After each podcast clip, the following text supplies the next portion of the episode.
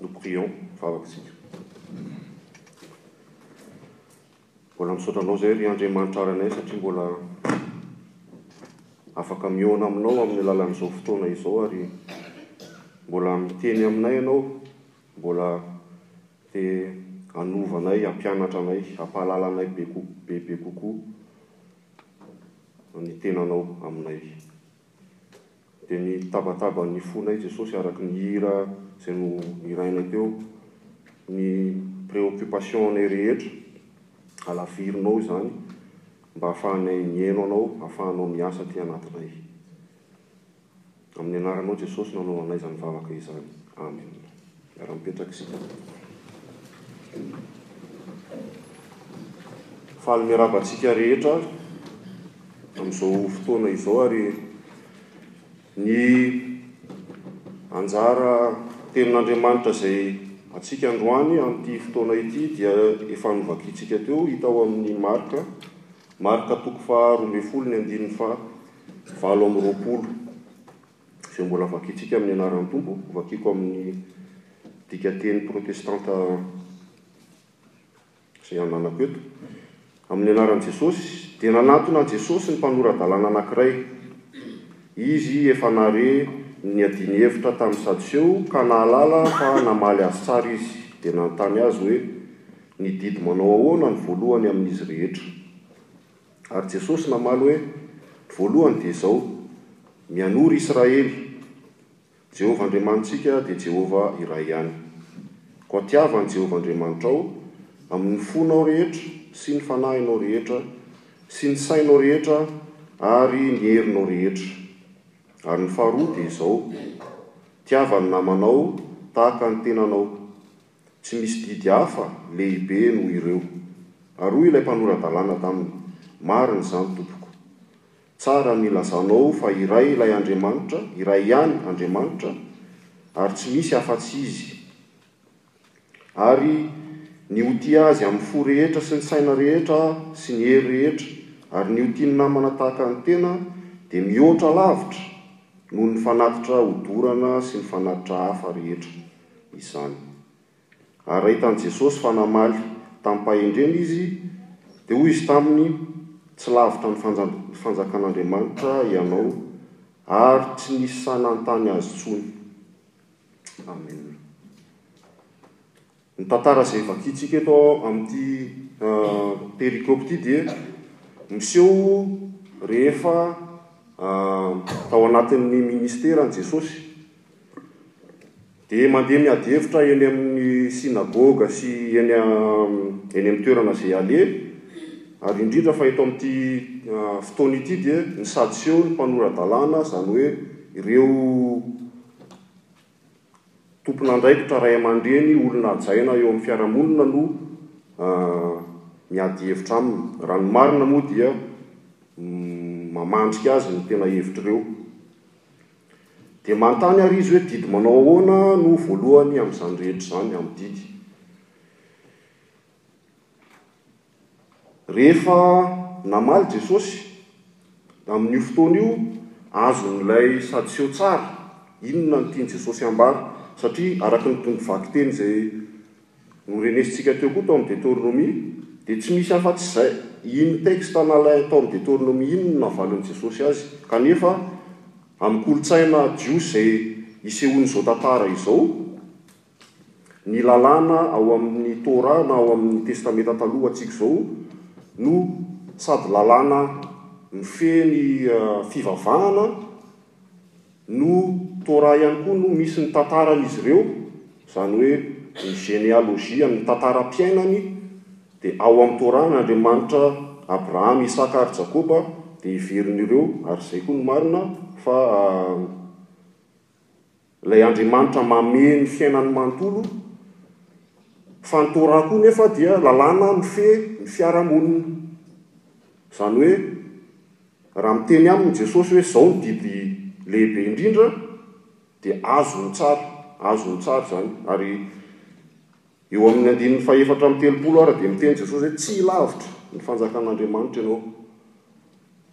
Marka rehefa nanoratra an'izao texte izao dia voalaza fa tatitra na karazana résumé an'ny fampianaran'ny Apostoly ho an'ireo kristiana tany Roma tamin'ny andron'ny fanenjehana tamin'ny andron'ny emperora Néron. izany hoe ny didy mifehy ny fiarahamonina tamin'izany fotoana izany sy ny didy mifehy ny fivavahana dia Néron no mamoaka azy ary tsy maintsy mivavaka amin'i Néron ary tsy maintsy fehezin'ny didim-panjakana izay avoakan'i Néron ny fiarahamonina nisy tamin'izany fotoana izany ary kristiana tamin'izany fotoana izany dia nenjehana noho ny finoana izay nananany. Raha mamaky izao teny izao izany izy dia aona hoy izy? Tsy maintsy misy safidy izany atao na manompo an'Andriamanitra izay iray, iray eto izay tsara no mahazo an-tsaina fa ny iray dia sady iray izany hoe feno tsy mizarazara izy no izy irery no Andriamanitra izay misy. Ireo kristiana tany Roma izany dia nana, tsy maintsy nanana safidy izy hoe hanompo an'i Néron, hanaraka ny didin'i Néron, sa hanaraka ny didin'Andriamanitra, manaraka ny tenin'Andriamanitra. Ary miantra aman'aina io satria ny fanenjehana tamin'izany dia mavitrika tokoa. Fanontaniana mipetraka ara dia izao hoe, ho antsika eto a Aix, Aix Marseille, izay misy elanelana ho antsika tsirairay avy eto izay misy elanelana efa ho roa arivo taona taorianan'izao zavatra nosoratana izao, inona no azahoantsika na tokony azahoantsika izany hoe inona ny didy lehibe indrindra izany ao anatin'izao fiarahamonina izay efa hitantsika fa Manalavitra, manalavitra ny toetran'Andriamanitra ao anatin'ny fiarahamonina izay satria misy ny fifamoivoizana, ny avancée technologique, na ny fandrosoan'ny teknolojia, na ny fikarohana maro samihafa, na ny fihatsaran'ny fifandraisana. les voies de communication et les infrastructures, izany rehetra izany dia mitondra antsika ao anatina tontolo izay mifama ahoana re ny ilazana izany an? misy confusion, misy confusion ao anatin'ny inona no didy tsara indrindra, inona no tsara, inona no mahafinaritra ary indrindra indrindra raha miresaka momba ny hoe didin'Andriamanitra voalaza ao amin'ny baiboly dia Efa lavitra an'izany isika izao. Lavitra an'izany ny fiarahamonina misy antsika aty amin'ny tany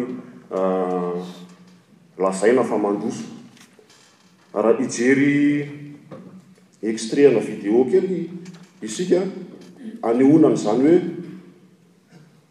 ao anatina fiarahamonina manao ahoana no misy antsika ary inona no Tokony hazahoantsika na mbola valable amintsika ve izany hoe didy voalohany sy didy lehibe indrindra izany.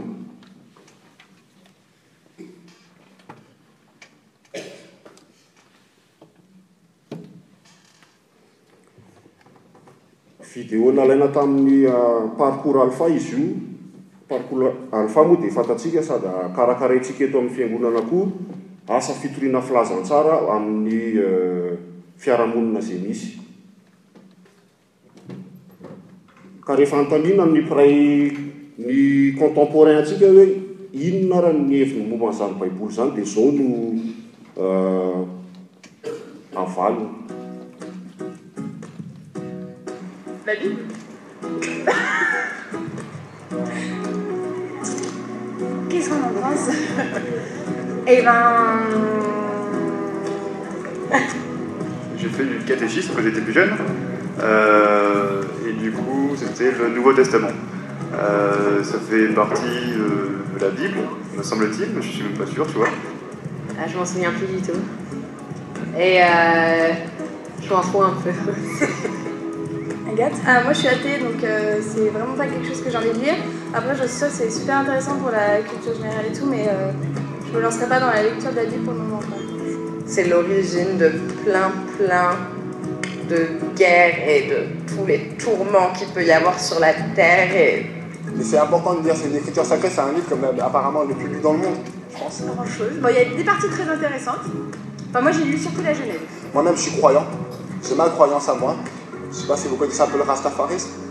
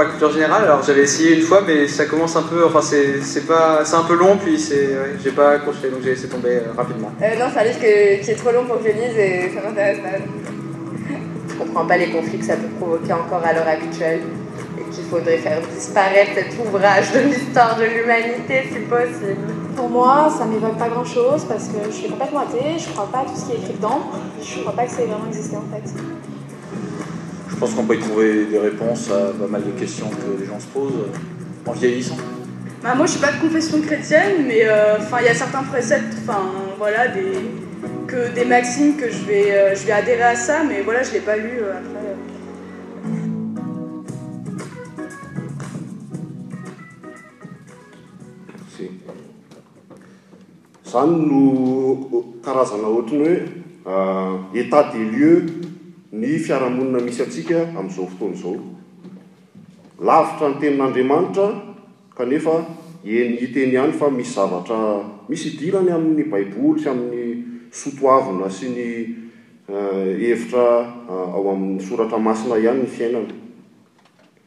Kanefa tsika rehetra na ny fiarahamonina na tsika tsirairay avy eto dia samy mitady ny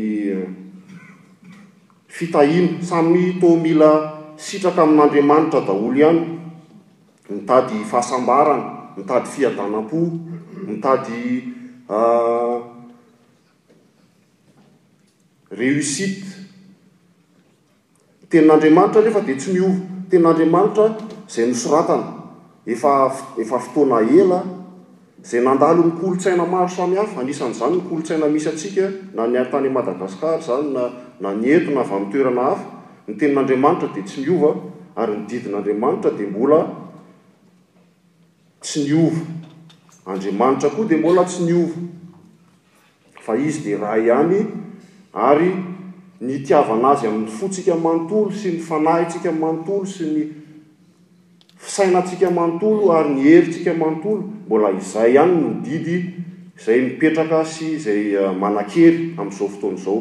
Tsy miankina amin'ny zavatra ataontsika izany, fa zava-misy efa mipetraka manoloana antsika izay mandalo.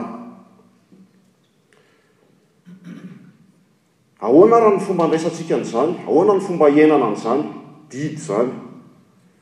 Tsara ho fantatra koa aloha anefa fa hoe didy izany dia Tsy misy tokony discussion fa Andriamanitra rehefa miteny hoe Izy ny Ray, ilay Andriamanitra ao amin'ny baiboly, ilay Andriamanitra tokana nahary izao rehetra izao, rehefa Izy no miteny fa Izy dia iray ary isika dia tokony hanaraka ny didiny dia izay ny fahamarinana na Mino isika na tsy mino isika, na mahalala isika na tsy mahalala isika, na te hankatò isika na tsy te hankatò isika, ny fahamarinana dia izao, ny Andriamanitra nahary izao rehetra izao dia iray, ary ny didiny dia ny hitiavantsika Azy araka ny fontsika manontolo, ny fanahy, ny saina, ny hery manontolo. Ahoana ary ny fisehon'izany? Ahoana ny fihon'izany satria raha Andriamanitra no miteny hoe ao amin'ny fankatoav ny fitiavana Azy no ahitana ny fahasambarana, mbola voalaza izany tao amin'ny Deteronomia novakiantsika teo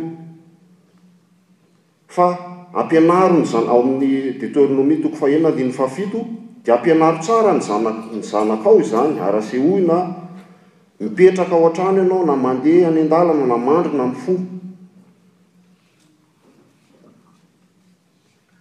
Izay ilay izy fa amin'ny toko fahatelo, andininy fahatelo, araka ny nolazain'i Jehovah taminao, dia any amin'ny tany tany to, any amin'ny tany tondra-dronono sy tantely.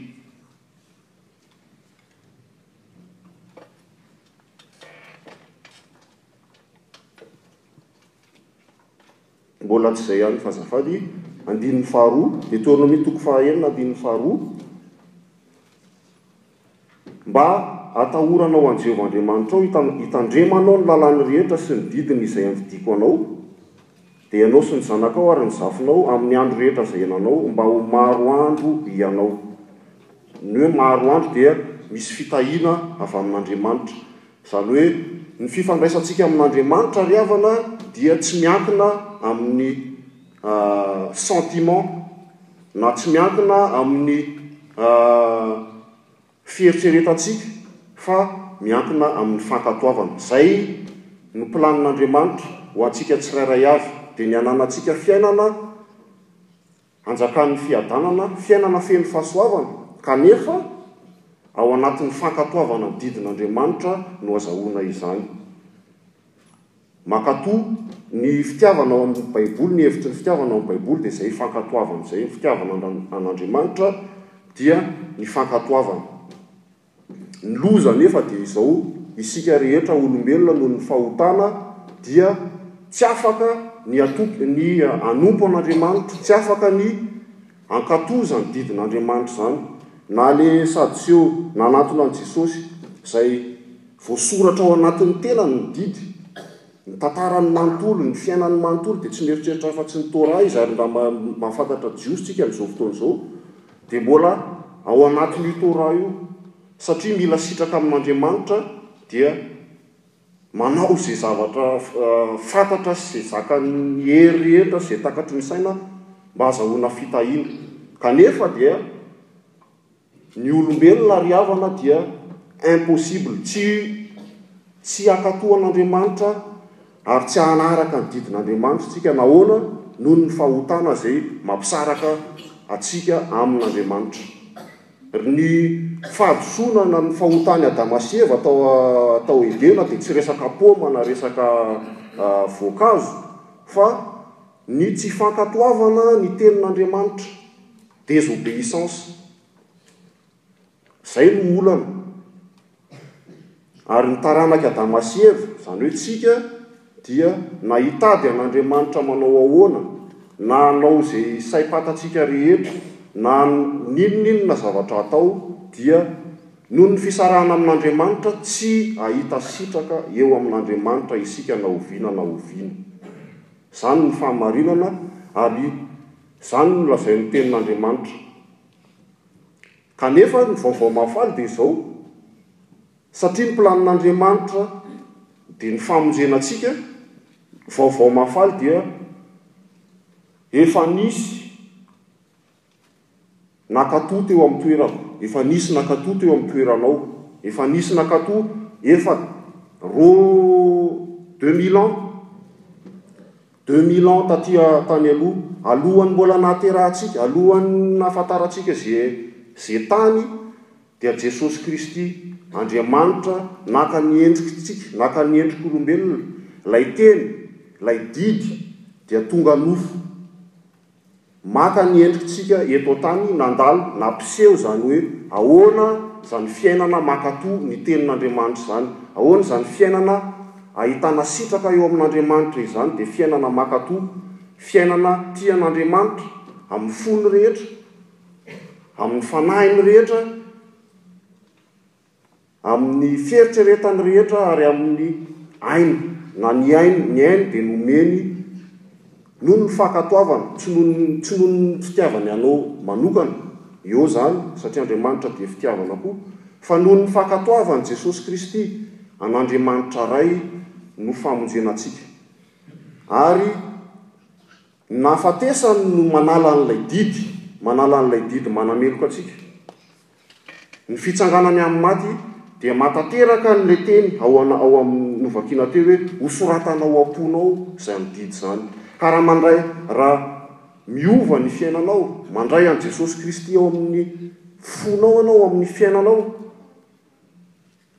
Dia Jesosy Kristy Izy no mankatoa an'Andriamanitra, Jesosy Kristy Izy no jeren'Andriamanitra rehefa miaina ianao, rehefa miaina tsy ny zavatra ataoko araka ny voavakintsika tao amin'ny teny tao amin'ny filazantsaran'i Marka teo.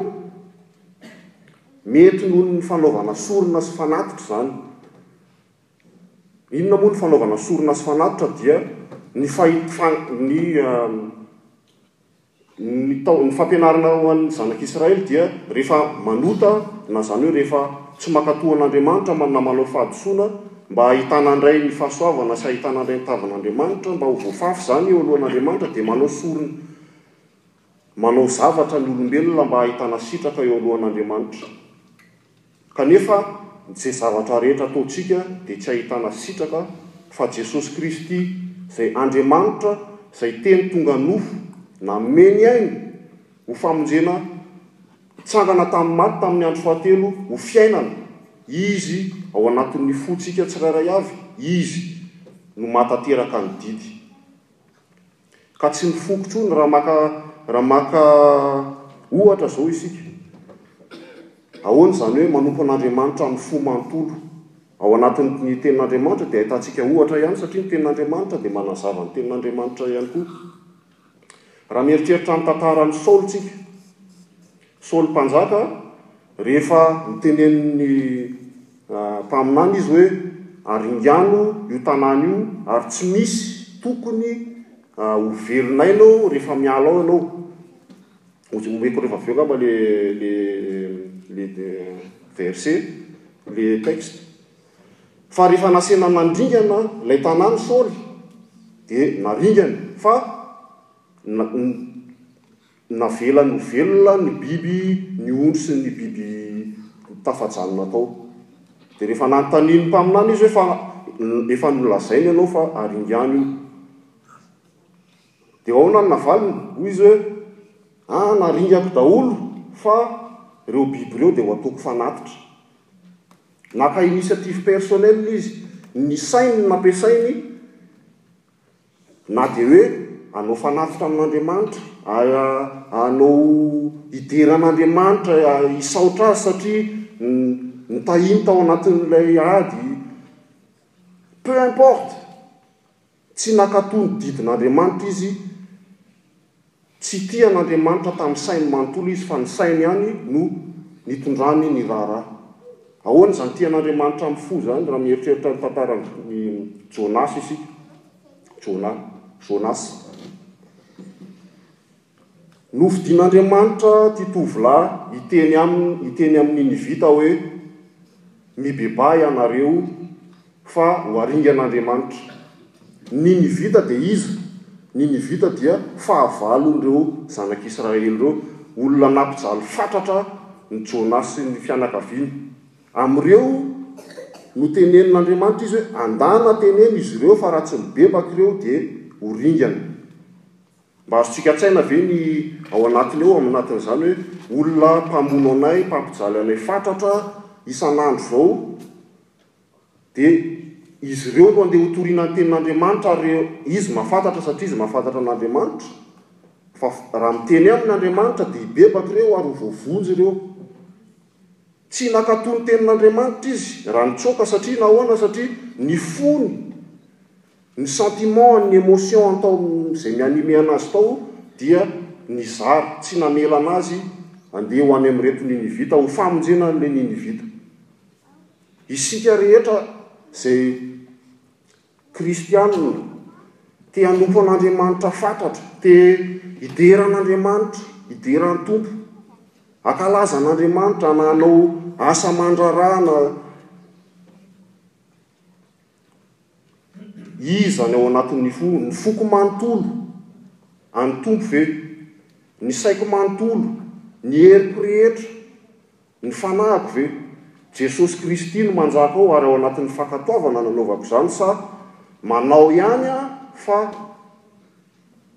Indraindray mba le amin'ny maha malagasy no mandeha aloha noho ny le didin'Andriamanitra na indraindray le le bénéfice na Tenin'Andriamanitra dia tsy miova ry havana. Ny fitiavana an'Andriamanitra dia ao anatin'ny fankatoavana ny didy ary isika dia tsy ho incapable ny hakato an'Andriamanitra fa Jesosy Kristy izay maty teo amina hazo fijaliana noho ny fankatoavana ary ny handraisana an'izay fanamelohana antsika izay, izay no nahafatesany ary nitsangana izy manome aina. Izany raha misy ny fanapahan-kevitra tokony ho raisina androany dia izay hoe, Iza no manjaka ary Iza no ankatoaviko amin'ny fiainako manontolo, amin'ny fiainako rehetra? Misy asa sy fampaherezana aorianan'ny fotoam-pivavahana, anisan'ny nanomezan'ny Tompo antsika Malagasy ny asa sy fampaherezana, izany dia inoako hoe mba hahafahantsika miaina tokoa izany fanompoana sy fankatoavana an'Andriamanitra amintsika manontolo izany.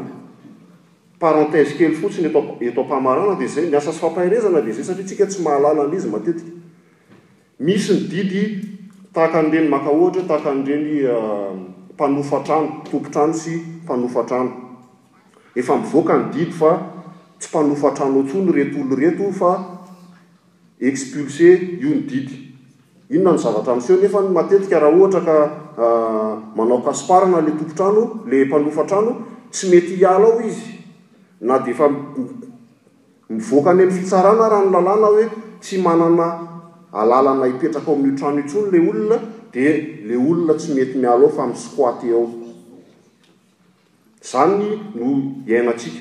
Ny fontsika ny sorona teo amin'ny hazo fijaliana sy ny Vaovao Mahafalin'i Jesosy Kristy, fahamarinana efa vita. Fa ny foko dia mbola misy mpanofa trano tsy mahazo mijanona ao. Ny saiko, ny fanahiko, ny heriko manontolo, izany no fanomezam-pahasoavana azontsika mba hahafahantsika mba hahafahantsika mihaino, mba hahafahantsika ho épanoui ary ho tanteraka ao anatin'ny fiainantsika tsirairay avy izany hoe fiadanana tsy miankina amin'ny zavatra hita maso izany fa fiadanana azo avy amin'Andriamanitra ilay tsy miova omaly sy anio ary mandrakizay. Amen.